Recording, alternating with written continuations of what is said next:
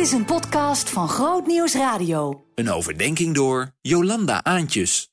Vanmorgen mijn voorlopig laatste twee overdenkingen in de Nieuwe Morgen. Daarin wil ik het hebben over wat voor mij het hart van het Evangelie is. En dat is onder andere zichtbaar in Lucas 7, waar de evangelist schrijft over een ontmoeting in de stad Nain. Het gebeurt bij de stadspoort. Een gestorven jongen op een lijkbaar, omringd door buurvrouwen en familie. Hij wordt de stadspoort uitgeleid en je hoort ze van verre aankomen. Weeklagen, huilen, schreeuwen.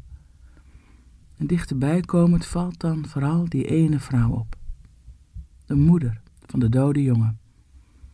Het is haar kind die is gestorven en ze heeft hem alles gegeven. En nu is dit allemaal weg. De jongen, haar toekomst, is niet meer gestorven. En de moeder is alleen. De dood kijkt niet naar leeftijd, of dat ouders eerder gaan naar kinderen, of dat we erop voorbereid zijn, of dat we een bucketlist hebben afgewerkt. Nee, sterven gaat dwars door alles heen. En opeens zet het familierelaties weer op scherp. Brengt het bestaan uit evenwicht. Dood is ongenadig, snijdt het leven af. En dat ervaar je in alle heftigheid bij het sterven van een jong leven. Maar dat kun je ook ervaren bij het sterven van een oudere. Het was op dinsdag, in april 2022. De ambulance reed voor om mijn vader, 84 jaar oud, naar het hospice te brengen. Hij was te ziek om alleen thuis te blijven. En we wisten allemaal dat hij in zijn laatste weken, misschien wel dagen van zijn aardse leven was. De ambulance mensen reden hun laatste rit van de dag en keken niet naar de tijd. En ze vroegen mijn vader wat hij nog wilde zien van de stad waar hij zijn hele leven gewoond had. Ze stopten bij de vispoort, bij de haven en haalden hem uit de ambulance. Het laatste zonlicht in zijn gezicht, voordat hij zijn bed kreeg in het hospice.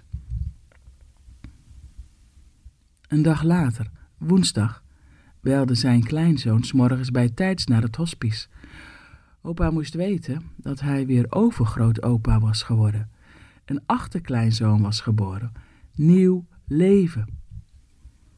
En een paar uur later kon de overgrootvader, zittend op de rand van zijn bed, met hulp van videobellen zijn achterkleinzoon zien.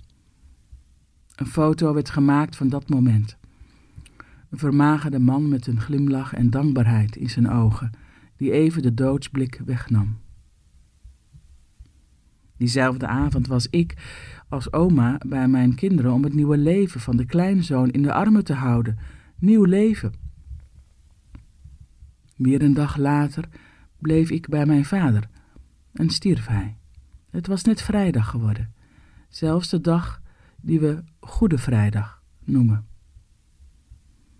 Ik schakelde die dagen van het een naar het ander. Terwijl ik van alles aan het regelen was voor een terminale vader, keek ik ook uit naar een geboorte, naar een nieuw leven.